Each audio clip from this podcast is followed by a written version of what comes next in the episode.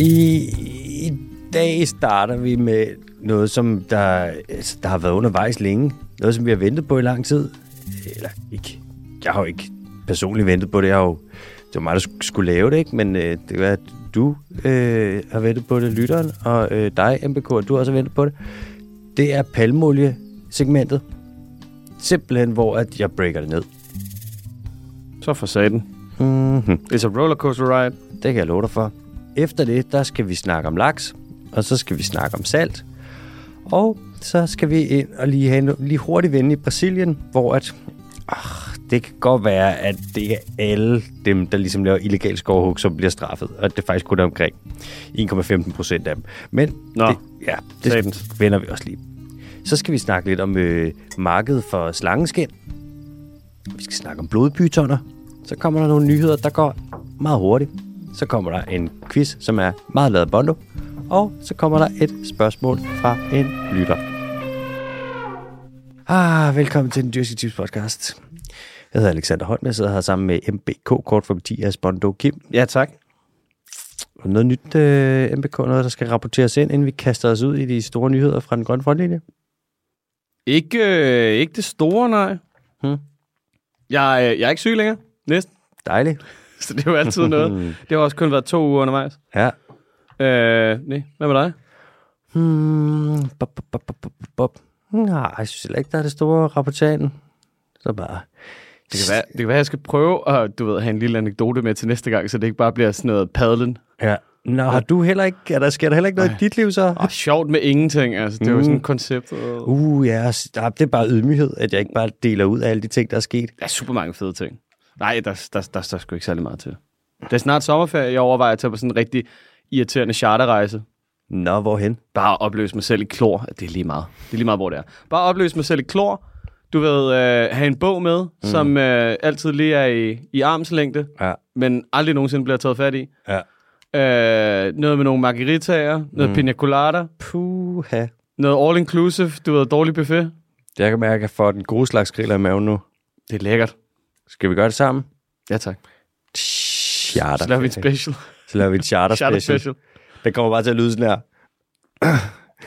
Åh! yeah. Ja. kan man få en fucking margarita mere herovre?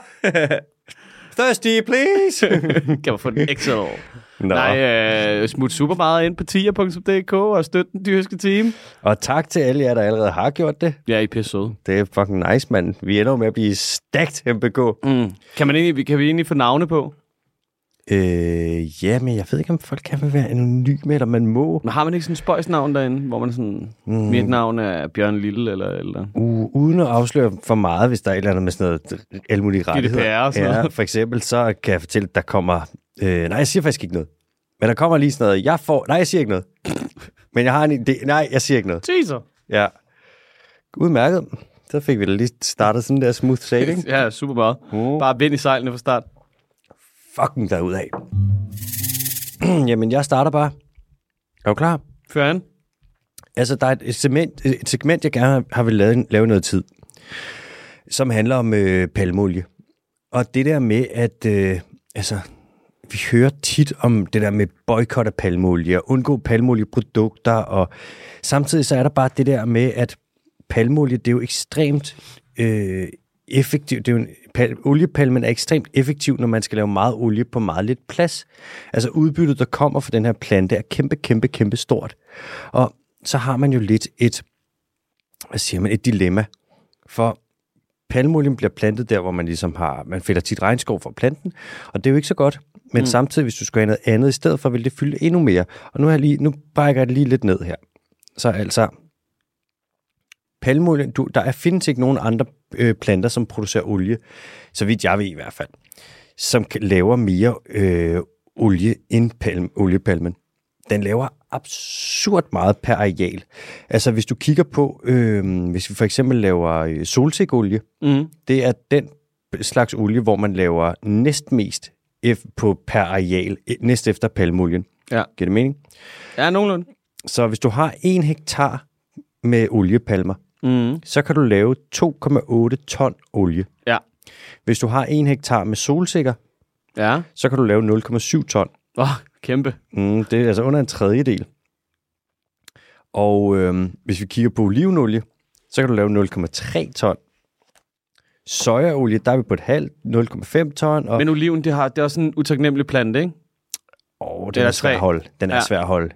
Jeg har dræbt mange, nu siger jeg dem to, to oliventræer. Med vilje. Ja, jeg dræbte dem, jeg havde dem. De der støvede blade der, skal I så lade være med. Hvad er det overhovedet? for? Er det overhovedet grønt? Jeg dræbte alle mine potteplanter. Grætte med mand. Jeg kunne ikke fucking fordrage. dem. Øh, hvis vi kigger på kokosolie, så kan man lave under 0,3 ton per øh, hektar. Altså summa summarum, det er, at hvis vi skulle lave andre former for olie i stedet for palmeolie, så ville det minimum komme til at fylde 3-4 gange så meget, og højst sandsynligt faktisk nok det dobbelte af det. Altså vi snakker... Okay, det er lidt svært regnestykke her, men øh, to tal, jeg skal gange med to på samme tid. Åh, oh, fuck, fuck, fuck, fuck. Det vil minimum fylde altså 6-8 gange så meget. Hvis vi tog, hvis vi lavede sesamolie, og vi skulle lave lige så meget sesamolie, som man laver palmeolie. Øh, okay, det er en underlig måde at sige det på, men sesamolie, hvis du skal lave en tilsvarende mængde i forhold til palmeolie, så fylder det 25 gange så meget. Så altså palmeolie er, eller oliepalmen er hypereffektiv. Det er vel derfor, man bruger den, ikke? Altså, Jo, det er det. Der er bare øh, nogle problemer med produktionen. Oliepalmen, den kan godt lide at vokse der, hvor der er fugtigt, og hvor der er varmt, og hvor lyset, det er helt tilpas. Øh, og den vokser bedst lige præcis der, hvor den allermest frodige regnskov i hele verden, den også gerne vokser. Og ærgerligt. ja, det er lidt et... tænk, Det er lidt noget lort. hvorfor kan den ikke bare vokse der, hvor det er sådan noget... Åh, oh, pisse også. Ja, Ja, den vokser bedst der, hvor der ikke er nogen andre planter ja overhovedet. bjergtoppen. Ja, Sahara. Ja. Den Vokser bedst i midten af Sahara. Hvor fedt. De lande i verden, der laver mest palmeolie, det er Indonesien er nummer et, og så kommer Malaysia ind på en anden plads. Og sorry, at jeg siger det her på den her måde, hvis der er nogen, der lytter med, som ligesom bliver stødt over det her, men jeg siger det kun én gang, jeg siger det meget hurtigt, sådan så at det ikke øh, er for, virker for meget som en kritik. Men de her to lande, de er super korrupte. Og øh, de er, de, gør- der, deres økosystem og deres skov er blevet rimelig fucket op øh, i forbindelse med den her produktion af palmolie. Du har fået hætterhatten på igen i dag, hva'? Jeg, jeg, jeg tager den af igen. Det var, sorry, det var det. Ja, tak. Mm, Det er, øh, altså nu er der mange, andre, der er mange andre ting, hvor at man, øh, det kunne være fordelagtigt at boykotte det. For eksempel sådan noget som øh, øh, oksekød fra øh, Sydamerika. Mm. Du fælder skov, og så sætter du nogle øh, kvæg ud, som går og græsser, og så tager du ligesom at lave røde bøffer, hvor man er sådan, det er ikke optimal fødevareproduktion, medmindre at man gerne vil belaste klimaet og biodiversiteten rigtig meget. Og så er Altså, det en, så er det en perfekt kombo. Er det ikke rigtigt? Nå jo. Det er, det, det er den grønne vej. Ja. Men øh, hvis vi tager... The Danish way. Den kan man, der kan man sige, der kan du boykotte, og så være sådan, ja, yeah, det er sgu egentlig ikke... Det er ikke fordi, at, det, øh, at vi dør af sult. Men hvis du boykotter palmolie, så har man et problem, for vi har ikke et alternativ endnu. Og vi, kan ikke, øh, vi skal bruge olie. Nu bruger man palmolie til meget sådan noget. Man bruger det selvfølgelig i mad, og man bruger det i slik, og vi kan jo ikke klare os uden slik. Nothing is... You can't live without the lick. Altså, der er et kæmpe stort segment i Danmark, der ikke ville kunne leve uden deres daglige Nutella. Og prøv at tænke, hvis du kommer hen et eller andet sted, og du skal have en crepe, og så er de sådan, ja, og så kan du få den med honning. Mm. Folk er sådan, "Øh, få den med fuck, fuck hvad? ja, Skal jeg ikke have det fucking florasbær? er du sindssyg? for satan. Jeg har jo aller- allergi, jeg er jo ikke vegansk, er du sindssyg? Øhm, så, og palmolie, man bruger det både i mad, og så bruger man det også til steder, hvor at man ikke kan bruge andre former for olie i kosmetikprodukter og alt sådan noget. Der er det noget med, at palmolie, det, Det er bare jeg ved bedst. Ikke, ja, jeg ved ikke, om det er, fordi det er lidt tykkere eller hvad, men der er mange produkter, hvor du ikke bare kan erstatte det med solsikkeolie eller rapsolie eller hvad ved jeg. Vi snakker creme og sådan noget, ikke? Åh, oh, Ja. kosmetikprodukter. ja. Nå, men jeg tænkte bare, om det var sådan en mascara. Jeg ved faktisk ikke, om man putter lidt øh, olie. Det kan da godt være, man putter lidt olie i mascara. Det skal jo være sådan lidt, lidt fedtet i det, så man ligesom kan smøre det ud på sine små øjenvipper. Ja. Du kan ikke bare have sådan noget tør mascara. Okay, må jeg spørge om noget lynhurtigt? Øh, ja, du må gerne spørge om noget. lynhurtigt. Kokosolie, hvorfor er det, folk går og smører sig ind i det? Kan det noget for huden? Det kan godt være, at det, er jo- du er ikke dermatolog, men altså. Jeg synes bare, det virker lidt spøjst. Jeg har lige kigget på olivenolie og tænkt, det der, det skal på min krop. Jeg tror, at kokosolie, det kan noget for huden. Okay, godt. Den er lukket. Øh, nej, det er den ikke, fordi du kommer... nu har du åbnet den her. No. Øh, det er også vildt godt for håret. Nå. Jeg kender mange, øh, ej det passer ikke, men jeg kender nogen, Jeg der kender fire. Sådan, jeg kender, approximately, jeg kender nogen, der sådan smører kokosolie i håret, og det dufter godt, og så giver det også bare sådan, det er specielt, hvis man har kraftige krøller eller afro, mm. så er kokosolie bare sådan, puh, det er bare sygt Jeg kan godt fortælle dig, hår. hvis der kommer øh, kokosolie i mit hår, mm. så ser det virkelig ud, som om at jeg bare er blevet sprayet i ansigtet med fedtet hår. Du får bare fedtet hår. Og det ser bare ulækkert ud. Kan du ikke sådan... Det er fordi, det, det, er, fordi, det ikke er kruset nok. Altså mit er jo meget sådan... Ja, Det er jo meget... Stø- ikke stålul, men det er meget glat. jeg er meget glad. Det kunne være grineren, hvis du kørte sådan en meget, meget, meget åben skjorte. Totalt sådan en, ikke en Enrique Iglesias, men en Julio Iglesias. Og så har du bare kørt fuld on kokosolie. Grig on. Og folk var sådan, det der er ikke fedtet. Det er fashion. Det er fashion. Det er fashion. Mm. Nå. Øhm, okay, så palmolie. Man dyrker det, hvor at du har haft skov. Du fælder skov for at dyrke det. Det er nogle lande, der er meget korruption. Det går meget ud over biodiversiteten. Og vi har ikke noget alternativ, som er bedre, fordi det vil fylde endnu mere, og vi kan ikke bare tage og lave øh, solsikkeolie for eksempel i lande med lavere biodiversitet, og så prøve at kompensere på den måde, fordi vi skulle lave, altså vi skulle bruge absurd store landarealer til det, og kokosolie kan simpelthen ikke det samme, som øh, palmolie kan. Så et boykot, det vil, om end det vil være øh, en fed, nem løsning, så er det desværre ikke øh, den rigtige va- måde at gå frem. Fordi man vil simpelthen bare, så vil du bare finde noget andet olie, der kunne erstatte det, og det vil være endnu mere lort. Så hvad gør vi? Ja, altså man kan sige, det er jo ikke, det er jo ikke muligt ud fra øh, hvad der, det faktum, at der er ikke nogen af os, der har lyst til at gå ned på levestandard. Nej, det er der jo ikke. Så medmindre, at vi har lyst til, at der bliver fjernet rigtig, rigtig mange produkter, rigtig, rigtig mange steder derude, mm. så kommer vi ikke til at fjerne palmolie. Nej. Og man kommer ikke udenom, at olie i mange af de der... Altså, så skulle vi jo revolutionere hele vores fødevareindustri. Mm. Det er en smuk sætning. Ja. Og det kommer ikke til at ske. Nej. Altså, vi er jo ikke engang villige til at stoppe med at producere så fucking mange koteletter i Danmark, så er jeg så helt Nej. ærlig. Og så Og skulle bare være se sådan. folk gå i fucking smadre ja. ned på øh, en fucking fave, hvis der, er, hvis der er vegetarisk dag om mandagen eller et eller andet. Ja, præcis. Skal vi indføre to vegetardage i de offentlige kantiner, og Morten Messerschmidt, Jesus der bare Christ, går mand. amok? Det er for sindssygt. Ja. Altså, der var en artikel forleden om, at det var en stor ting i øh, Aalborg Kommune, at der blev tilbudt et vegetarisk alternativ i de offentlige kantiner. Og sådan, hvad med før? Hvad hvis du var vegetar? Så er der, sådan, så er der ikke mad til dig? Nej. Det er jo så... Nej. Ja. så Du må kan bare tage med hjemmefra, så- ja, sætte dig ned og spise din gulerod, ja, det de er fucking sådan- taber. Hold nu kæft, kylling, det er jo en grøntsag. Ja, fucking øh, halal hippie. Utrolig mand. Jeg har breaket lidt ned. Ja. Ja. Altså, selvfølgelig ikke mig, der er kommet på de her ting, selvom jeg godt kunne være f- kommet på dem. Men der er en, det, vi kan gøre med er dig. palmolie. Ja, det er mig. Ja, det er dig. det er mig. Nu Ja, tager jeg tak. lige alt for det her. Ja, tak. For det første, så skal vi stoppe med at bruge palmolie til at lave biofuel. Det gør man meget i, øh, man gør det lidt i Europa, man gør det i Kina, man gør det i Indien, hvor du laver en slags brændstof med det, og det er fucking lort. Altså, det sviner mere end benzin, og det er bare på ingen måde sådan, det er bare nej, bare stop. Øjeblikkeligt, stop. Hvis Det lyder, der- det, det lyder jo faktisk som en ting, vi skal have mere af. Altså sådan historisk set, altså hvis det er dårligt, så skal vi have mere af det. dybt, og det er værre end benzin. Prøv lige at overveje det. Åh, det er fedt. Øh, hvis der nogensinde er nogen, der kommer og siger sådan noget, ja, så tager vi det her palmolie, så laver vi noget biofuel, så ved du med det samme sådan, nej, 100%, du har ikke, altså, de har ikke læst noget. Sindssygt nok, at man kan plukke noget ned fra et træ, og så er det mere skadeligt, hvis man brænder det, end at du ved, stikke et kæmpe stort bord, du ved, 1000 km ned i jorden, og bare hive pis ud af undergrunden, Og og, bare- bare, og brænder det af i Bare jorden. brænder gammel flydende kul. Øh, Det er virkelig, det er decideret imponerende. sindssygt. Det vi må gøre, som er sådan en ting, der vil være godt med palmolie, det er, at vi skal have det fra øh, certificerede kilder.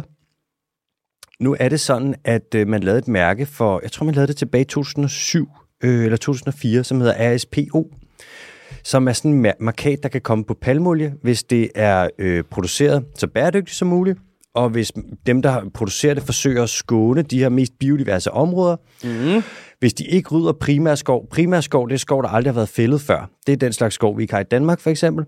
Og så må de ikke rydde øh, naturområder med ild.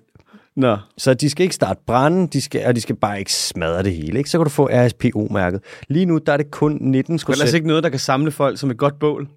Jeg tænker, det er sådan lidt... Øh, så lidt Det er da Sankt- hyggeligt. Det er, sådan lidt Det er da Sankt skide Hans. hyggeligt. Jeg skal ikke have det der SPO-lort. Jeg Nej. elsker Sankt Hans. det var så Sankte Hans! Hvad det hedder, øhm, det er ni- 19 procent af den palmolie, der produceres nu glo- globalt, den er RSPO-certificeret. Ja. Under en femtedel, ikke? Fordi en femtedel er 20 procent. Mm. Og det er jo ikke så meget. Så mm, der kan man sige, hvis man endelig skal købe palmeolieprodukter, bla bla bla, så kig efter det der RSPO-mærke. Jeg tror også, VVF var med til at lave det i sin tid. De var vist nok også med til at lave MSC-mærket faktisk, og FSC-mærket. VVF har været med ind over alle mulige ting, altså. Men det er en anden historie. Men er ikke noget med, at øh, mange af de der mærker, de er meget effektive i starten, og så bliver de sådan lidt udvandet, fordi de som regel har sådan nogle, sådan nogle meget kvalitative altså sådan mål på en eller anden måde. Mm. Så bæredygtigt som muligt. De Jo. jo. sætter jo ikke krav til bæredygtigheden.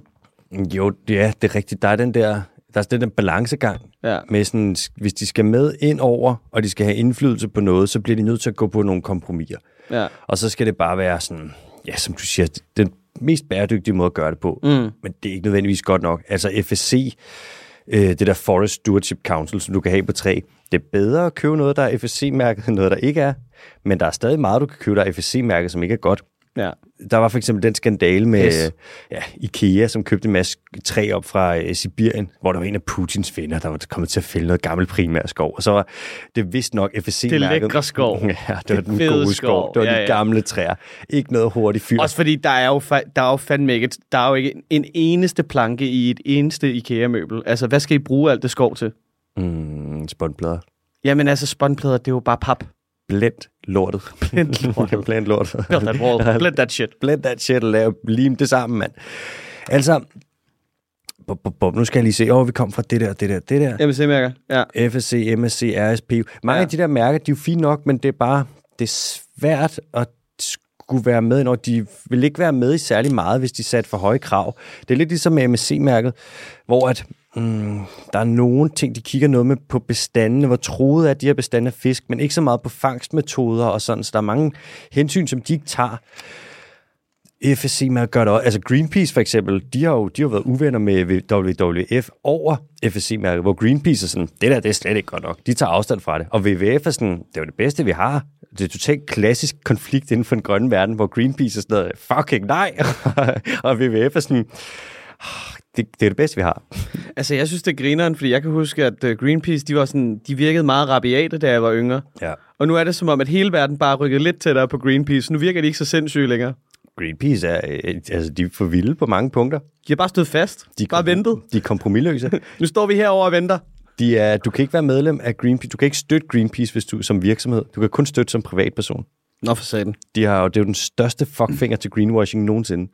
Og prøv over, at de får alligevel, mig bekendt, på global plan, de hiver vist noget over 350 millioner dollars ind om året. Altså det er, de er på top 4 over de grønne organisationer, der får mest overhovedet i donationer. Mm-hmm. Og det, der er ikke Lige noget for efter, virksomheder. lige, lige efter Kattens Fond. Kattens værn får, altså. Kattens Værn. Og så er Er der det den pindsvinvennerne. Ja. ja. Øj, mand. Der er nogle gange, når man læser de der beløb, ikke? svimlende summer, der bare går til katte. Det, Det er, testam- går til katte. Det er til katte. at gøre. det er testamenterne. Ja, det er helt vildt. Det er for sindssygt, hvis du har fået fat i dem. Bare få nogen til at testamentere. Hvis du sidder derude nu, og du tænker, uh, hvad skal jeg gøre, når jeg dør en dag? Skal det være den dyriske forening, eller skal Gå- det være kattens værn? Gå ind, og så bare ind på tier, og se om de ikke har en testamente-option, og så giv det til mig og BK. giv de penge til mig og BK, vi skal nok bruge dem på en god måde. Nå. det er også sådan, at når man laver palmolie, så kan man jo lave det, altså ligesom med alt andet landbrug, så kan du dyrke det på en måde, hvor du virkelig kultiverer jorden og planterne smukt, og du kan gøre det, hvor at du laver lidt mere sådan noget, noget lidt kikset landbrug. Altså, du kan sagtens have en palmolieplantage, og bare slet ikke få no- maksimere udbyttet, fordi du bare ikke er særlig god til at dyrke det. Og vi skal ikke undervurdere, at palmolie nu, det fylder altså gigantiske landmængder, både i Malaysia og i øhm, Indonesien, men også i visse andre lande begynder det at fylde. Thailand har, Colombia begynder at have, der er nogle afrikanske lande, der byder ind på markedet. Det fylder og fylder og fylder, og vi skal gøre det ordentligt. For hvis vi gør det så godt som overhovedet muligt, så tager vi så lidt plads som overhovedet muligt, og får så stort udbytte som muligt. Og den plads, vi ikke tager, der kan så være øh, regnskov, ikke? Mm. Ja. Vil du sige noget? Nej. Okay. Det lignede, at du ville sige noget. Nej. Nå. Altså jo, det, men det er bare lidt det der med, det er jo garanteret sådan et produkt, der er, er i konstant efterspørgsel. Altså det er nok ikke særlig svært at afsætte den vare, Nej. i modsætning til, lad os sige, et designermøbel. Altså. det værste er sådan, ja, du har ret. Så det giver, jo- det giver jo meget god mening, at man tænker i afrikanske lande, du ved sådan, vi har det rigtige klima. Mm. Let's make that money. Der er, du har ret, der er kæmpe efterspørgsel, Ja. og den er kun stigende. Sag, pis os. Ja, hvis du kigger på, hvor meget palmolie der er, hvor meget det stede sådan hen over de siden 70'erne, øh, så er det en fem, det, mængden af palmolie, der er produceret, den er øh, 35 dobblet. Det er stukket fuldstændig af. Det er virkelig, virkelig noget, der bare er... Øh, ja, det skal vi bare bede om. Nu prøver jeg lige at google noget, der hedder palmeoliekurs. Bare for at kunne se, øh, om man kan se, hvad den koster per tynde eller et eller andet igennem tiden. Ellers så Snakker bare videre. prøv, prøv at gå ind på, øh, du kan også søge på, hvis du søger på Pormoil, og mm. så øh, Our World in Data, så kommer du ind, så øh, Oxford University, de har lavet sådan en øh, øh, kompilation med en masse data for det her, som er smukt lavet. Jeg har fået rigtig meget inspiration til at skulle dække det igennem den faktisk. Jesus, hvor er det nørdet. Ja, det er øh, Our World in Data, de laver det, det sted sexede præsentationer. Hold kæft, nogle tal. ja, det stikker af. Det stikker må, jeg, fuldstændig må, af. jeg, må jeg læse en af dem? Ja, kom. Øh, 1961. Øh, 1,48 millioner ton bliver der produceret der. 1,48 millioner ton, yes. Ja. I dag er vi på 71,45 millioner ton. 35 dobling, du. Det er sindssygt. Kæft, det er fedt. En ting, man kan gøre også Så med, dygtige. Det er effektivt, det der. Det er det sgu. En ting, man kan gøre med palmolieplantager, det er også, at man kan øh, forsøge at optimere biodiversiteten inde i dem. Og det er jo der, hvor det bliver kontroversielt, ikke? Sådan pagt med djævlenagtigt. Men lidt ligesom når man laver agroforestry med kaffe, hvor du har kaffeplanter, og så har du, øh, eller kaffebuske, og så prøver du at lave det sammen med noget træ, altså noget skov, og så vil du ligesom på en eller anden måde øh, lave sådan en balance, så man forsøger også at hvad siger, man, skabe et miljø, hvor der kan være nogle dyr og nogle planter, og biodiversiteten ikke bare skal skyldes ud i lokummet. Undskyld mig. Og man kan jo gøre det samme med palmolie, øh, plantager, til en vis grad, så det ikke bare bliver sådan en totalt stenet øh, monokultur. Ikke? Zoologisk Have, Københavns Zoo, de har for eksempel haft noget samarbejde med nogle palmolieplantager, hvor de har prøvet at gøre det. Noget med at introducere nogle, hvad fanden var det? Jeg tror, det var nogle kongekobraer faktisk. En af de fire arter, måske fem. Øh, så de ligesom kunne øh, hjælpe med skadedyrsbekæmpelse. Ikke? Og hvis vi nu kombinerer det her med at gå efter øh, certi- RSPO-certificeret øh, palmolie, og hvis vi lader være med at bruge det til biofuels, og hvis vi prøver at optimere biodiversiteten i palmolieplantagerne, og hvis vi sørger for, at den, de palmolieplantager, der er, de bliver dyrket på en pissefed øh, og sexet måde, så kan vi bevæge os i den øh, rigtige retning. For vi kan ikke bare boykotte øh, palmolie. Og jeg hader at sige det, for jeg vil sygt gerne, og jeg sådan, styrer selv udenom pal- produkter med palmolie i, men sådan, det går ikke at, at boykotte det. Der er simpelthen, det er i for meget. Så vejen frem, det er altså øh, det er bæredygtig palmolie. Og en lille sidenote. Mange af de steder, hvor vi dyrker øh, soja, som vi bruger til foder til dyr, der kunne vi lave palmolie i stedet for. Det var bare det. Jeg siger ikke mere. Jeg siger ikke mere. Det var haterhatten, der lige kom på igen. Ja, der kom. Stor idiot. Jeg skal sgu lige, jeg hopper lige ud og henter en af de der dansk vand. Vil du ikke lige starte med næste nyhed? Jo, hvad er næste nyhed? Den, øh, det handler om laks. Cool. Og det handler om, hvordan at vi dyrker, vi avler rigtig mange laks for at slippe dem ud op i stillehavet, i det nordlige stillehav, Ja. ja. en slags, der hedder pukkellaks. Og kan du ikke lige break det lidt ned, lige give lytteren en lynhurtig introduktion til, hvordan det kunne være et problem at slippe, hvor meget er det nu? Mm, mm, mm, mm, mm. Over en milliard laks ud om året. Okay, ja. Øh, hvad det hedder, det der er problemet med den øh, atlantiske, hvad er det, middelhavsla... Hvad, hvad hedder det? Det er pukkellaksen. Pukkellaksen, god gamle pukkelaks, det er, at der bliver simpelthen øh, avlet så sindssygt mange laks. Og det er bare øv, øv, øv, øv, øv. Og det, der så sker, det er, at øh, hvad det hedder, når den her laks, den flytter fra land til by, så er der en øh, affolkning i øh, hvad det hedder, store byområder, i laksebyområder, hvor at der så er et prisfald på øh, ejendommene. Og det er jo problematisk, fordi at så kommer der sådan en rådden laksebanan, Øh, med... jeg ved ikke, hvad jeg skal sige. Hvad bilder du med? Jamen, det er, det er, når, det er, når laksen flytter fra land til by. Ja. Så sker der jo øh, et prisfald i øh, de lakseboliger, som de kommer fra.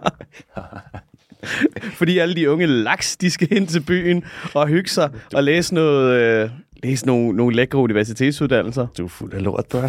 Det- Var det ikke det? Jo, det er næsten Var det ikke det, du rigtigt. prøvede at sige? Jo, jo. Jamen, skal vi så ikke bare til næste nyhed? Helt sikkert. Slut. Hvad det der? Øh, Okay, vi vi kigger. Ja, Jeg, jeg har aldrig ført så meget lort af på så kort tid. Og det var, og det var, og det var, det siger ikke så let. det var snøvlende lort. Hov, det var sgu da en bajer. Hvad får du der? Får du en limebajer? Mm. Hold da kæft, det er blevet fredag, var. Uha, hold da op, den smager af Mexico. Nå, okay, hvis vi tager øh, stillehed, ikke? og den del af stillehed, der er helt op øh, nordpå, op ved Alaska, så bliver der fisket alvorligt mange laks derop. Altså s- fuldstændig sindssygt store mængder laks. Der er nogle forskellige lande. Der er USA, og så er der Kanada, og så er der Rusland, og så er der Japan, som ligesom deler som de her vande derop. Og de gør rigtig meget for at passe på deres laksebestand, så de ikke kollapser. Vi kan jo bare kigge, hvis du Kollapser? tager... Kollapser? Hvis vi tager øh, USA der, ikke? og vi går fra... Det her, det er så øh, b- b- b- b- vestkysten. Hvis vi går over til østkysten, der kollapsede laksefiskeriet jo for... Øh, ja, det er ikke så længe siden, og det kostede dem absurd mange penge. Total lort. Det vil man bare ikke have sker. Øh, også fordi der er rigtig mange folk, der mister deres arbejde, og økonomisk der er det bare en mavepuster af dimensioner altså. Så de her laksebestande, det er sådan en fælles ting, som de øh, passer på, de her lande. Lidt som hvis man... Øh, hvis- hvis vi for eksempel boede sammen, Mm. og vi havde fælles arealer. Så er det ligesom vi også ville passe på dem så. Sådan noget lige i stuen, Demser? ude i stuen. Dem så Pas på dem så. passe, gør rent i køkkenet og alt det der, fordi det er noget fælles, man har, som man passer på. Ja, ja. Ikke?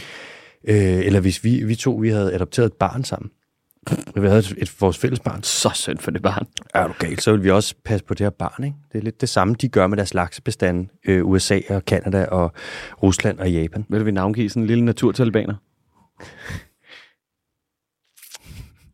Skulle have noget Eren?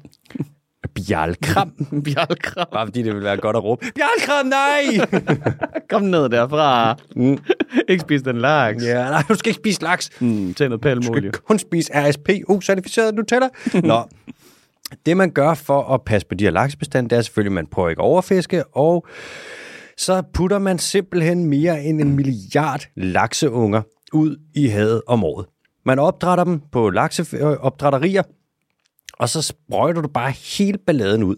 Og det er særligt en slags laks, som man opdrætter og udsætter, og det er pukkellaksen. Og det hedder den, fordi at han, når de ligesom skal i paringstid og what fucking ever, så får en ordentlig pukkel, så går der fuld quasimodo i den. Det er den mindste af de laks, der er i stillehed. Vejer typisk omkring sådan 2,5 kilo, og det er klart den mest talrige. Der er øh, en håndfuld arter deroppe. Jeg tror, der er sådan noget 5-6 andre arter.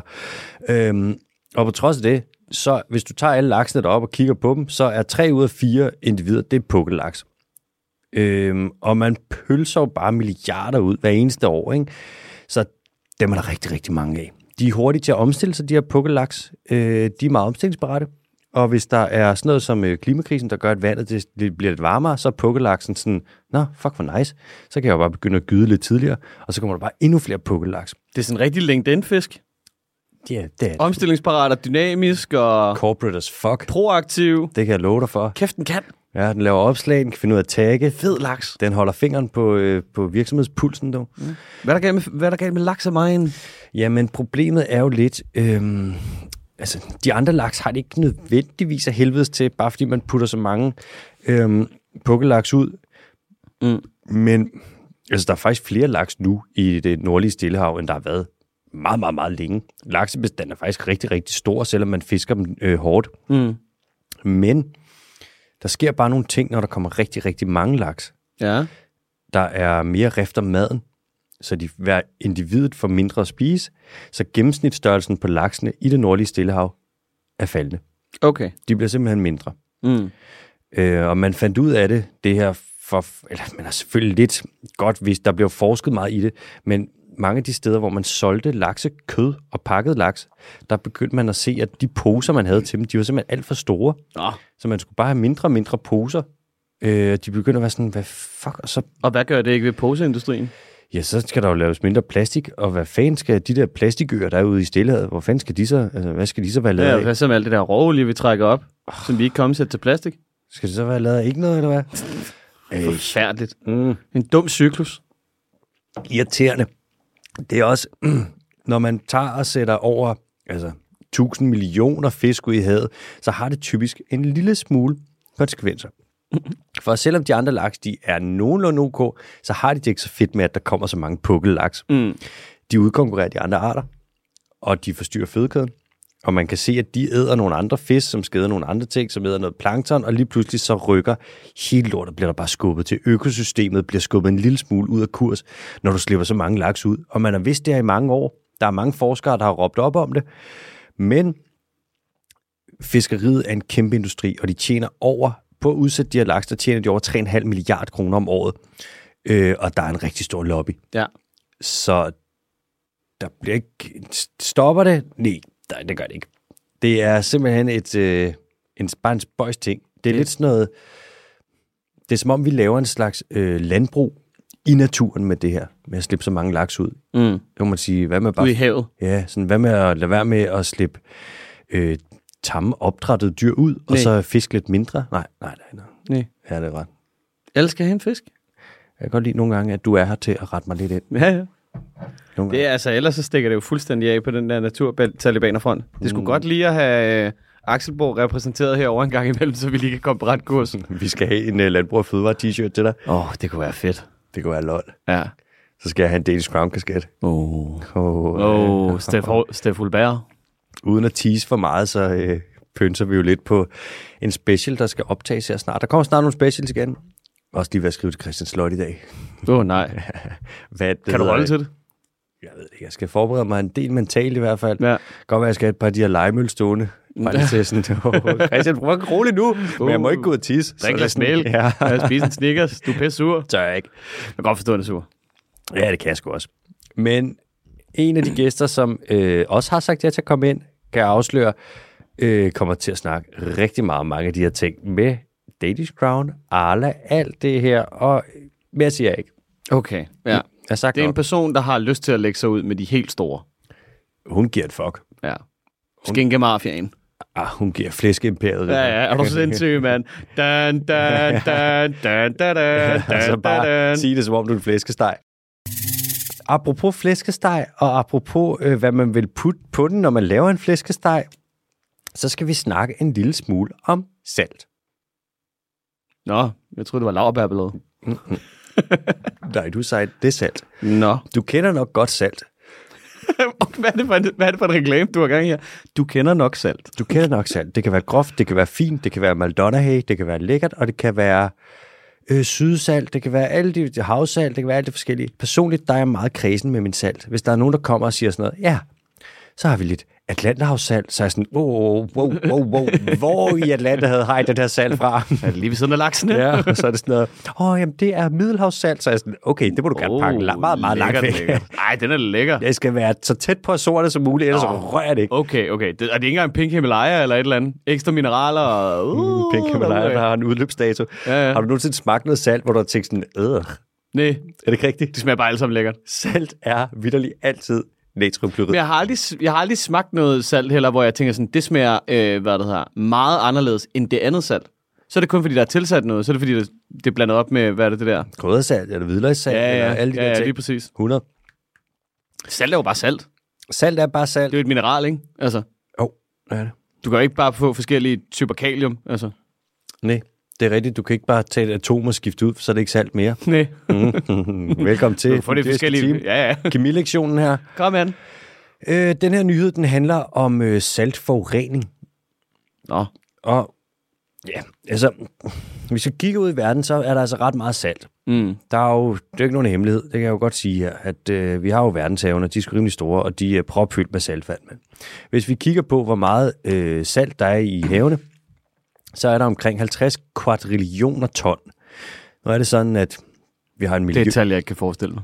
Du har 100, så har du 1000, så har du en milli- million, så har du en milliard, så har du en billiard, så har du en trillion, og så kommer en kvadrillion. Altså, det er fucking meget, mand. Salt er jo ikke et problem i sig selv. Når det bare er i havene, der er det fint. Der kan man sige, det hører til der, det er marint. Hvis du tog alle havene og lavede dem om til ferskvand, så vil livet ikke fungere. Det skal ligesom være der.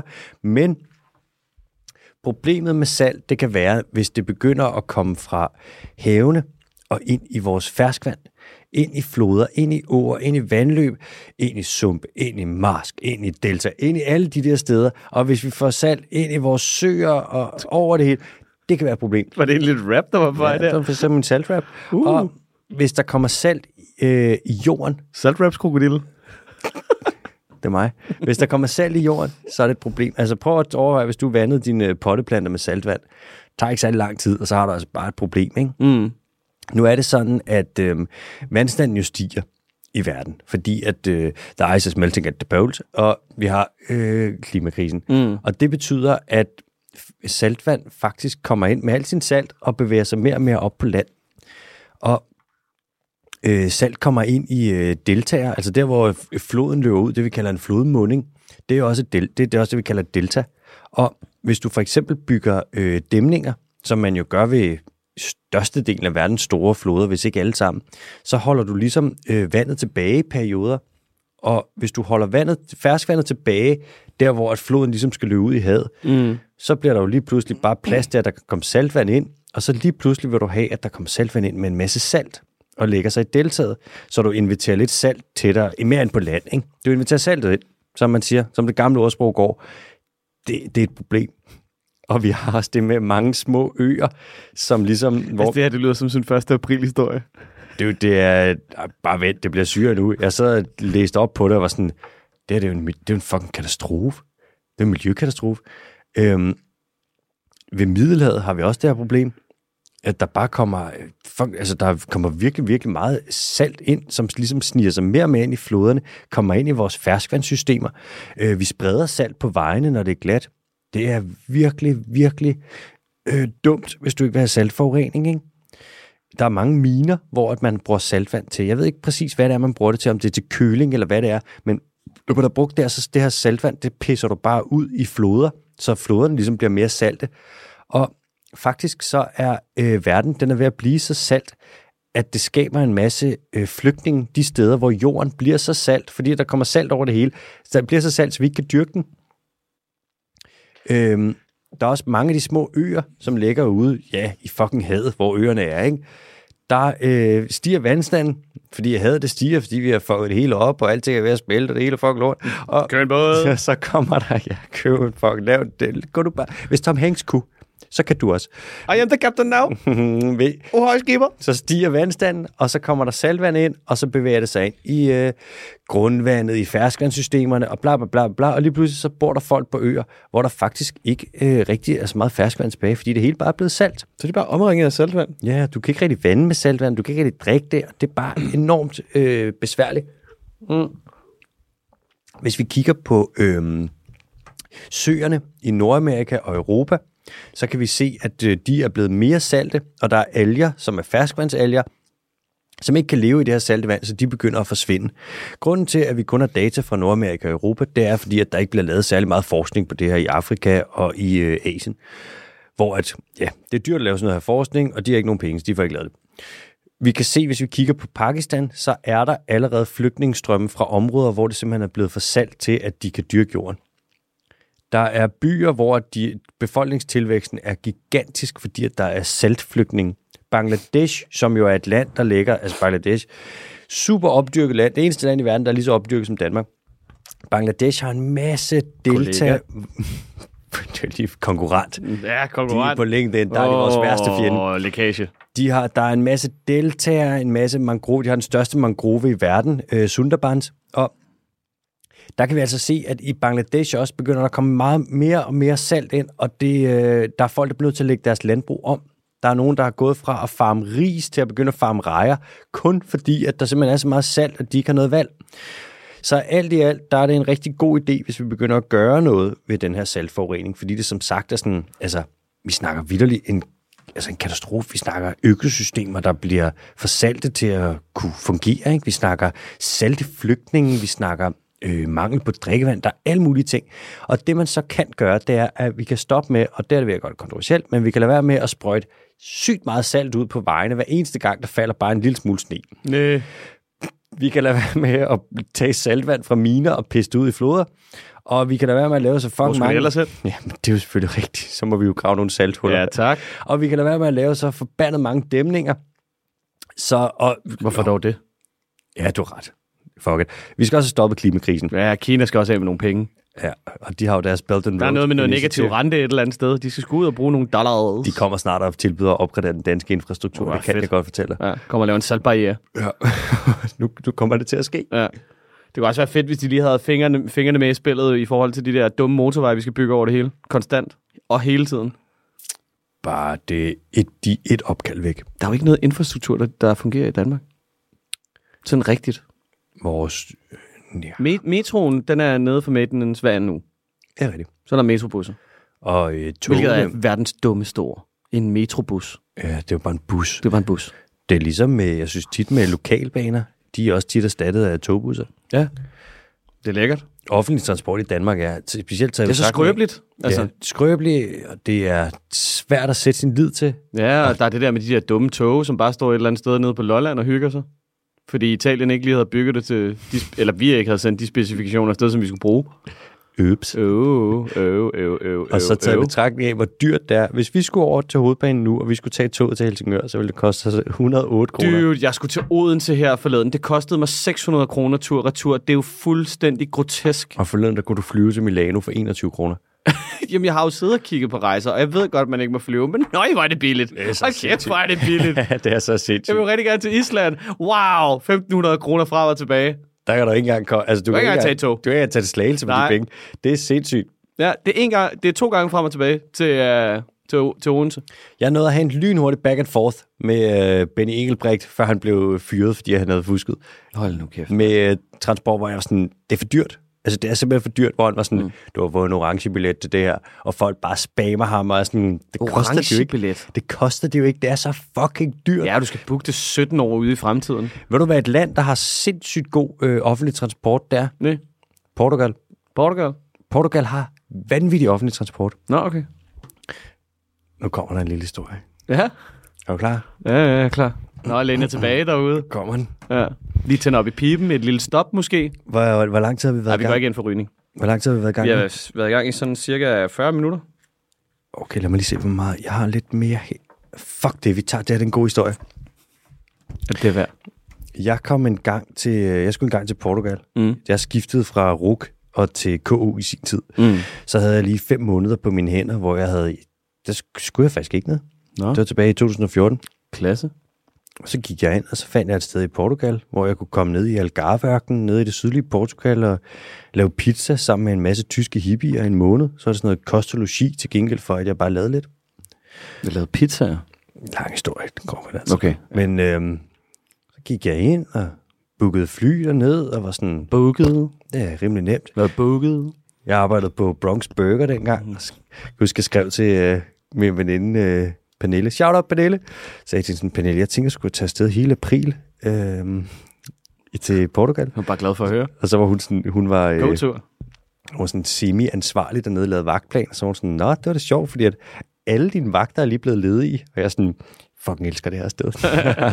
så øh, gik jeg hen, og så tog jeg flyet derned, kom ind i flyet og skulle flyve i, hvad er det, tre og en halv time til Portugal, derned til Lisbon. Kommer ind og sætter mig på en plads, der var totalt middelmodig. Om morgenen, tidligt. Tænkte sådan, ah fuck, it, der var ikke så mange mennesker i flyet Nej. gik jeg ned og fandt en række, hvor der bare var tre pladser lige ved siden af hinanden, og så lagde jeg mig. Sov hele turen. Vågnede der til sidst, da vi landede. Bok. Kommer der en stewardesse over og er sådan, hej, hej, nok godmorgen, kunne du tænke dig noget chokolade og et glas juice?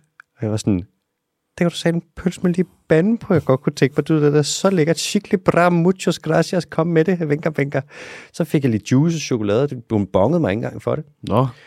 kommer ud i øh, Lisbon der og trisser afsted hen til mit hostel. Kommer ind og siger sådan, hello. Sådan, hello. Så sådan, I'd like to uh, check in. I'm Alex, Alexander Holm. And also, uh, when I've checked in, I think I'd like some lunch. I'm pretty hungry. So uh, if you could recommend a place, that would just be exquisite. I was sådan, yes, actually, we know a very good place we could recommend. Trissede jeg derover der, fik mig noget frokost, og faldt i snak med en eller anden dame, der anbefalede, at jeg stadig kunne få noget mere frokost. Og Nå. lang historie kort, trissede rundt og havde en pissefed dag i byen, og Det var bare det. endte med til sidst, jeg skulle finde et sted, hvor de sagde, de havde mini hotdogs, Ja, ja. vegetarisk. Nå. Jeg var sådan, nå, det lød spøjst, gik rundt og kunne ikke finde det. Til sidst banker på et sted, eller kommer ind et sted på en eller anden café, og sådan, hey, excuse me, do you know of a place where they've got mini hot dogs? Should be around here somewhere. Så er de sådan, yeah, it's here. Sætter mig op i baren og får bare et glas vin, som de bare hælder op, uden at spørge, om jeg vil have det, for jeg er sådan, Det er det bedste. jeg fucking elsker det her. Ja. Faldt i snak med en pige, der var tatovør, som tilbød at tatovere mig gratis, og alting var bare sådan, sådan en dag, hvor det bare var, det var fucking sjovt, jeg elsker Lisbon. Anyways, kommer jeg tilbage til hostelet der, Velkommen til Dysk Tips podcast. Er du sindssyg, mand? Så er det, turen går til, turen går til Portugal. vi må lave, det er jo, at vi skal lave en røverhistorie special. Ja. Øh, Der, bare roligt, der kommer en snør på den til Ja. ja. sidst. Kommer hen på hostelet der til sidst. En lille smule snallet, havde fået et par glas vin der, siddet med mine nye venner og hygget. Og lander der på hostelet ved sådan noget 5-6-tiden. Skal til at have noget aftensmad. Kommer ind, og så står der en tavle, hvor der er skrevet med kridt sådan, træretters menu, bla bla bla, bla vin og libetum, står selvfølgelig på engelsk, wine at libetum. Og så kigger jeg op i i receptionen og er sådan, I want this. Så er de sådan, oh, that's pretty lucky, we've only got one seat left. Så er jeg sådan, no you don't, I've taken that seat. It is reserved for Alexander Holm. Så kommer jeg over, sidder for lækker mad, vin og libetum, sidder med nogle vildt grinerende mennesker. Der var en brasiliansk pige, der hed Marina, kan jeg huske, og en, en russisk gut, der hed Alexander Volnov, som han var rigtig grim, men han var fucking savage. Glemmer aldrig, han sad der og var sådan, jeg har sjældent set nogen så karismatisk. Han ejede bordet, og han lignede sådan, han lignede en, der tegnede tegneserier, mens han smurte bumsecreme i sit ansigt for at få flere bumser. Og vi endte med at tage ud og høre En noget. rigtig oligarksøn. Ah, lidt. Ja. Og grineren For mange penge. endte med at tage ud og høre sådan noget lokal musik, bla bla, jazz, div, det ene og det andet. Næste morgen, så skulle jeg afsted ned til Algarve ned og lave de der pizzaer der. Mm. Så tager jeg over på stationen, kommer ind, og så siger jeg sådan, hello, I'd like to take uh, a bus to Algarve, to Portimao. Så er de sådan, alright, that's gonna be 20 euros. It leaves in, uh, ja, 20 minutter. Jeg er sådan, okay, cool, giver dem 20 euro, får billetten, går over, tager bussen, kører til tiden, direkte til stedet, intet pis, aircondition, det hele var lækkert, stiger af, var præcis, hvor jeg skulle være. Den offentlige transport i Portugal er... Ej, det hjernedød. mener, det mener du. Ej, du har ikke siddet og snakket om Portugal i 20 minutter. Hvor siger du, har taget en bus? Jo, dude. Din store idiot. Det er så spild af tid, det her. Hvad er det det? Det er så spild af tid. Ja, det var en god Det var historie. simpelthen ikke Det var værd en god historie. Nej, det var det kraftedeme ikke. Det der, det var verdens dårligste historie. Åh, oh, du lyder ligesom min ekskæreste nu. Hvorfor er der ikke nogen, der værdsætter min gode historie? Jo. Jo, hvor var den dårlig. Jamen, Du gik Der- jo bare rundt og fortalte om, at du spiste ting. Det var så hyggeligt. Det, det er overhovedet ikke hyggeligt. Det var, det var, var den ikke hyggelig? Det var ikke overhovedet, overhovedet ikke hyggeligt. Ikke i forhold til payoffet. Der var ikke noget payoff, jo. Okay, hvis du lytter, kære lytter, hvis du sidder derude og tænker, kan den ikke her se- historie var ikke hyggelig, så skriv ind, den her historie var fucking lort. Du kan ikke sætte så mange både i søen. Jeg havde jo troet, det var et eller andet med, at Mm. alle de mennesker, du havde mødt på vejen, de så alle sammen stod og skulle med den samme bus eller et eller andet Nej, i sådan et stort muchacho. eventyr. El hombre, rolig. Det var bare en sindssyg historie. Nej, det var ikke en sindssyg historie. Det der, det var en dag i Portugal. Det var der, det var en historie, og øh, selve det at tage bussen, nu ser jeg det bare som det er, det var samlet. Det andet, der var forspil. Forspil er vigtigt. Jeg er sur nu. Så kører vi bare den næste nyhed. Ja, tak. Og vi skal til øh, Brasilien, hvor de også snakker portugisisk i øvrigt. Verdens mest biodiverse land. Det er sådan, at øh, Brasilien har sindssygt høj biodiversitet, og det har de ikke bare fordi, at de har det der regnskov der, men også fordi, at de har nogle andre habitater, såsom øh, Cerrado og så videre, så videre, så videre. Der er så meget savanne og alt muligt lort, og de har bare sygt høj biodiversitet. Også et kæmpestort land, det hjælper selvfølgelig også. Og så er det det land i verden med mest regnskov og bla bla bla. Anyways, øh, hvis vi kigger på Amazonas i Brasilien, så er der lidt problemer med Amazonas for tiden. Det er nemlig sådan, at i Brasilien, så bliver 98% af de anmeldelser, der kommer af illegal regnskovsfældning, de bliver ignoreret. Øps. Klassiker. Øps. Har de bestilt, er det sådan nogle kongolesiske printer, de har fået? De har fået en øh, præsident, som har taget det som en Som er personlig, han har taget det som en personlig, en personlig øh, udfordring og øh, s- pille så mange af de miljøbeskyttelsestiltag, der overhovedet er, fra hinanden som overhovedet muligt. Og på den måde, så går det jo skide godt. Det er rigtigt, hvis det er det, der er Ja, fandme succeskriteriet, dygtig. så må man sige, så kan han sgu sit Ja. ja. kram. Det må jeg faktisk, det er en meget god pointe.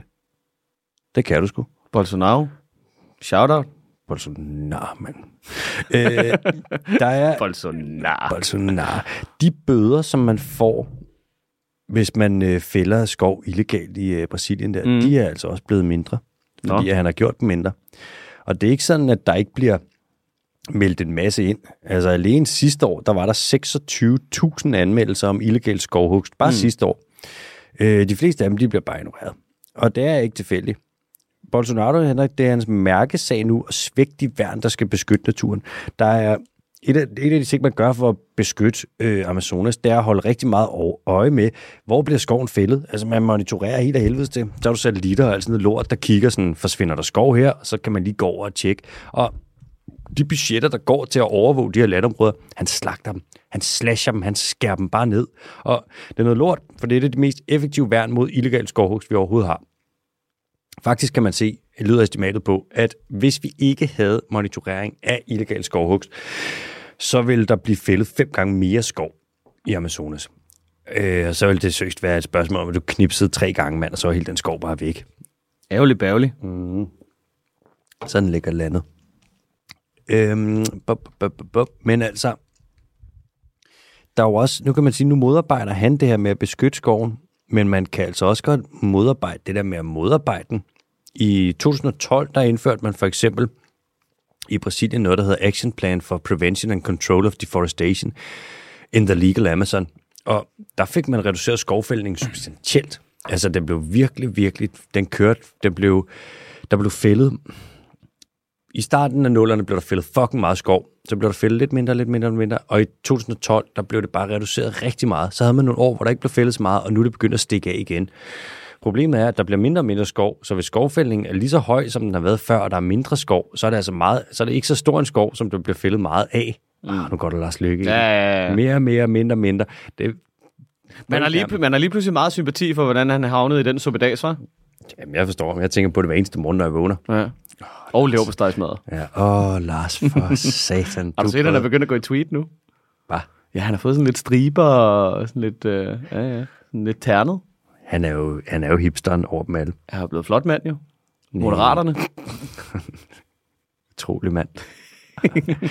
Sig, sig, hvad du mener. Kom så. Jeg siger ikke noget. Nej, det skal ikke være politisk. Lille Lars. Bolsonaro, han har gjort én ting, som er god for skoven. Han har arbejdet for, at bøden, hvis du forfalsker dokumenter angående skovhugst, den bliver højere. Okay.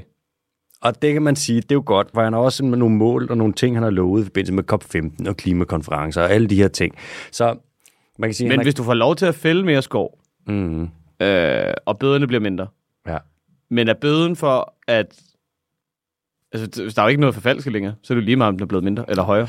Nu skal du ikke sidde der og t- t- tale forbi. Nå, altså, han prøver. nej, nej. Han prøver, Ja, ikke? ja, Han jo. prøver. Man skal også vide, hvor man sætter ind. Effektivt. Jeg tager den næste nyhed nu, inden du kommer til at snakke Bolsonaro ned. Okay. Er du gal, mand? Han prøver virkelig hårdt, MBK. Ja, undskyld. Vi skal til... Øhm, fra Amazonas, der skal vi til enten den ene eller den anden side. Vi skal til øh, Sydøstasien. Nærmere bestemt, så skal vi til Indonesien. Det land i verden, der sammen med Colombia er det me- næstmest biodiverse overhovedet. Der har man nemlig et problem af en helt særlig slags. For der bliver eksporteret en forbandet masse slangeskin, og høsten af de her skin har vist sig hverken at være bæredygtig eller lovlig. Ups. Ja, det der sker, det er, at man slagter en masse øh, blodpytoner på nogle fabrikker. Det har man blodpølse af den. Og når man siger blodpyton, så tænker man med det samme sådan noget. Wow, det lyder som et rimelig slipper dyr. Ja, det er det ikke. Nej, overhovedet ikke. Prøv at søge på, prøv at søge på pyton curtus, eller øh, pyton bronkersmag, eller, Nej, jeg tror bare, jeg søger på blodpyseren. eller pyton bretenstein. Ja, jeg kommer ikke til at kunne stave jeg til. kan alle kvælerslangers navn på latin. Jeg er den, s- simpelthen den største. Oh, det ligner altså nogle fede, øh, nogle fede støvler, der ligger der.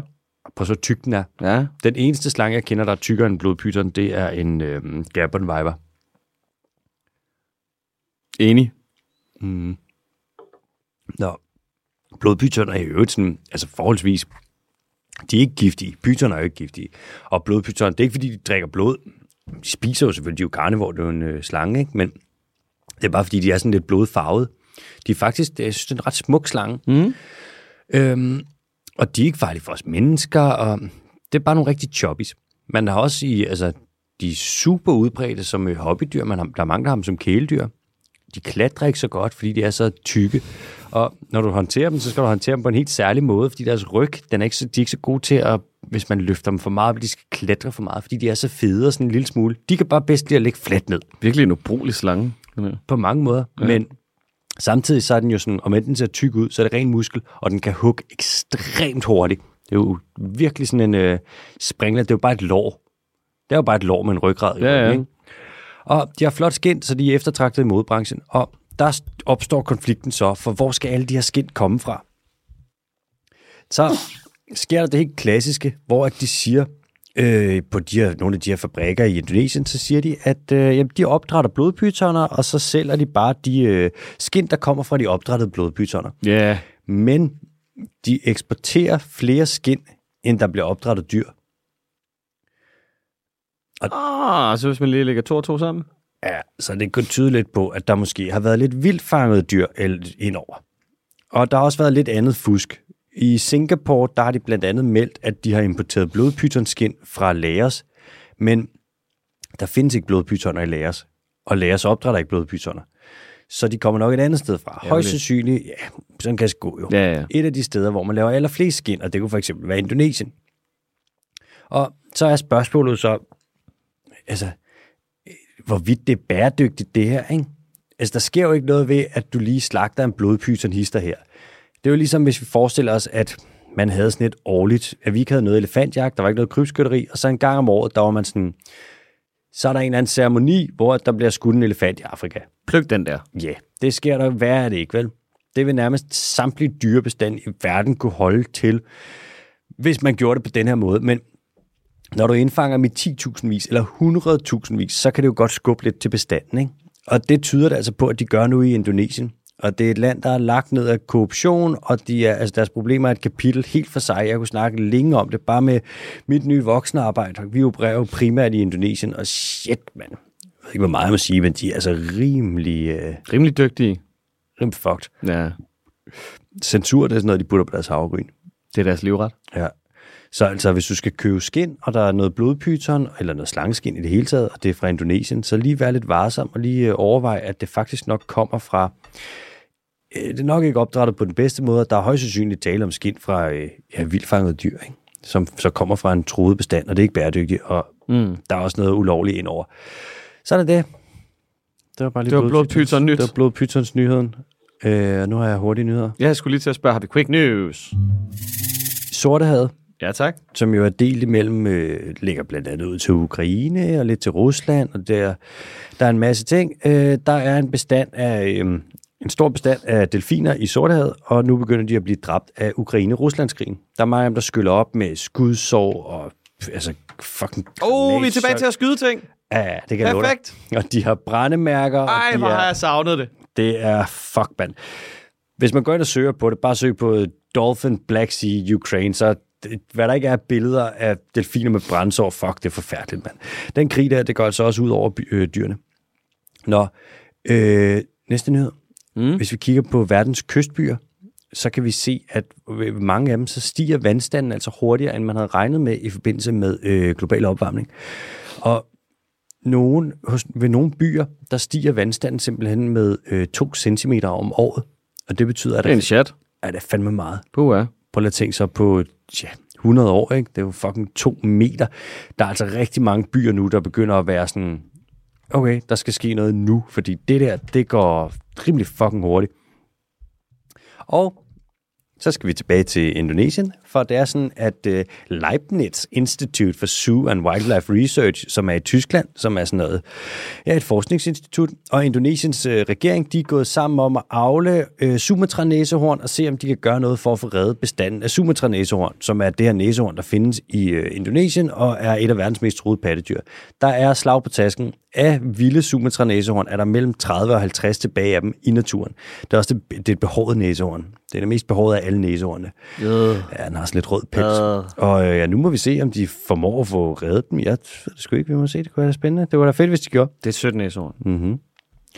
Det var det. Jeg har ikke, øh, der var ikke flere hurtige nyheder. Skal vi hoppe til en quiz? Mm. Som sædvanligt. En ledetråd til at starte med, som kan give det væk, hvis du ved rigtig meget om det specifikke dyr. Får du fem efterfølgende. Og du skal gætte den i dag. Jeg gider ikke det der længere. Det er sgu, altså, det er sgu for, det, det er for ladt, når du ikke gætter det. Slap dog af, dude. Nej, må kom lige. Nu må du Skal lige nok. ak- ak- activate the animal brain. Kom så. Nok. Ja, ja.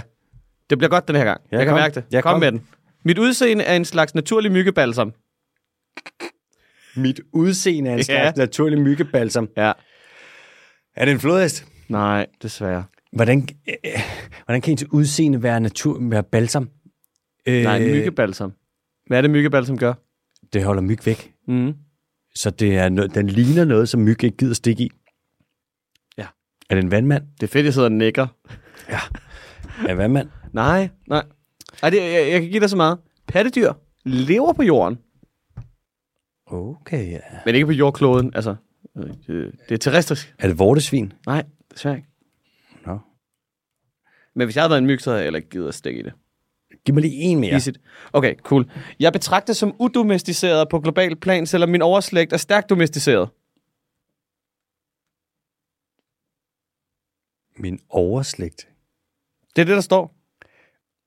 Det er fordi, at der står, at den her er en underslægt, så gik jeg ud fra, at der var noget, der hedder en overslægt. En underslægt, det er, Eller vel- en, er det så en afart? en underslægt, det er vel det, man vil kalde en art. Okay, ja, sådan s- slægtene. Hmm, okay. bup. Er den så i familie med? Det er, hvis vi kigger sådan... Okay, ikke det skal blive super kedeligt taksonomisk nu, men hvis man deler det op, så er det sådan noget... Så starter det med...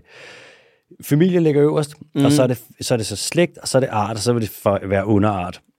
Og hvis vi tager os for eksempel, så er vi jo så... Hvad er vores familie overhovedet? Det er vel sådan noget, en eller anden slags abefamilie, ikke? Mm. primat, whatever. Ja. Ja. Og så vores slægt, det er homo, og vores art, det er så sapiens. Mm. Så kører det på den måde, så det ved jeg sgu ikke, hvad det er kværfan, men bup, bup, bup, det er ikke duen. Nej, Mm, rotte. nej. Nå. Mm, Tænk stort. giv mig en mere. Jeg er en græsser af afrikansk afstamning på 2-400 kilo. Græsser. Græsser? Er det en... Øh, ikke en gnu. En bøffel. Nej. Er det en øh, vandbøffel? Nej. Ej, den lever også i Asien jo. En havarti-bøffel. En havarti-bøffel. En bøffelmozzarella. Er det en... Øh, okay, 2-400 kilo. Ja. Ikke elefant, ikke næsehorn, ikke flodhest, ikke pygmæflodhest. Øhm, fuck, den er sgu... Okay. Det må være en antilope af en art. Det må være en slags... Når vi dør, bliver vores kroppe til græs. Er det, det er ikke en... Øh, hvad fanden var det, den hed? Det er, ikke en, det er ikke en bongo. Nej. Men det er heller ikke en antilopes. Det er ikke en antilope. Mm. Mm. Har den horn? Antislope. Nej. Det er en græsser uden horn. Og det er et pattedyr, Ja. og den vejer 200-400 kilo. Mm. Er en zebra? Bing, bing, bing, bing, bing, bing. It's a zebra. Hvad, er- hvorfor er den en slags øh, myggebalsam? Det er fordi, de der striber, det, det, gider, det gider insekter, ikke? Er det rigtigt? Så det er, altså, at det er jo sådan noget med, at hvad der, man kan ma- der er nogen, der maler sine køer åbenbart. Altså, kunne jeg læse mig frem til. Og Jeg, nu stoler jeg bare på Google, som jeg gør. Ja, ja, ikke? det skal man. ja. Øh, så øh, maler man striber på dem, fordi det, øh, hvad det hedder, så, gider, så gider de ikke stikke. Det kan være, de bliver forvirret. Okay, ja. Jeg havde et spørgsmål, som jeg ikke rigtig kunne finde svar på. Kom med det. Altså, er den, er den sort med hvide striber, eller hvid med sorte striber? Hvid med sort striber. Hvid med sorte striber. Ja. Er det sådan med alle dyr, der har striber på den måde? ja. Larmende stille. okay, cool. Skal vi have videre? Du Ja. får to point. To Du point. får to point. Nej, Mm, Yes! nej, du får tre point. Gjorde det meget godt i dag. Der er noget med, at hannerne åbenbart render rundt i sådan nogle ungkælegrupper. Ja, det gør de. Ja. Hvad er det, det hedder? øh, Så Så render de rundt og vrinsker ind, så de kan få sig et harem, hedder Mm. det åbenbart, med rigtig mange hunder. de vrinsker sig til et harem. Ja. Shit, man. Next level. Det der med, øh, at den øh, slægten var, at den er domesticeret eller sådan, mm. ikke? det er fordi, øh, zebraen, hvad fanden er den her på latin, hedder det ikke noget med E equus? Jo, jo, jo. E-Q-U-S. Det er jo så fordi, øh, slægten der, som den er i, det er mm. samme slægt som at øh, tamhesten og whatever de er i, ikke? og prisvalskihesten og alt det der lort. Ja. Ja. Og så vil man sige, at slægten, der er en del af de individer, som ligesom er domesticeret. Men arten zebraen er jo ikke domesticeret som sådan, og den, er ikke, den egner sig ikke særlig godt til domesticering. Der er jo nogen, der har dem i private sus i USA og sådan, ikke? men de slipper jo fandme ud til højre og venstre. De er virkelig bare ikke særlig øh, domesticerbare. Nej, nej, men det, jeg betragter det som udomesticeret. Ja, Ja. det må man sige. Ja. Nå. Der står bare her, øh, god gamle Google, eller øh, god gamle Wikipedia, at zebra er en underslægt i hesteslægten. Mm-hmm. Ja, det kan man jo sige. Ja, det kan man vel. Kan man da? Ja. Fyr den af. Skal vi til øh, et spørgsmål? Ja, vi skal så. Vi har et spørgsmål fra øh, Jakob, som skriver, Kære MBK og AH, Hej Jacob. Hej ja.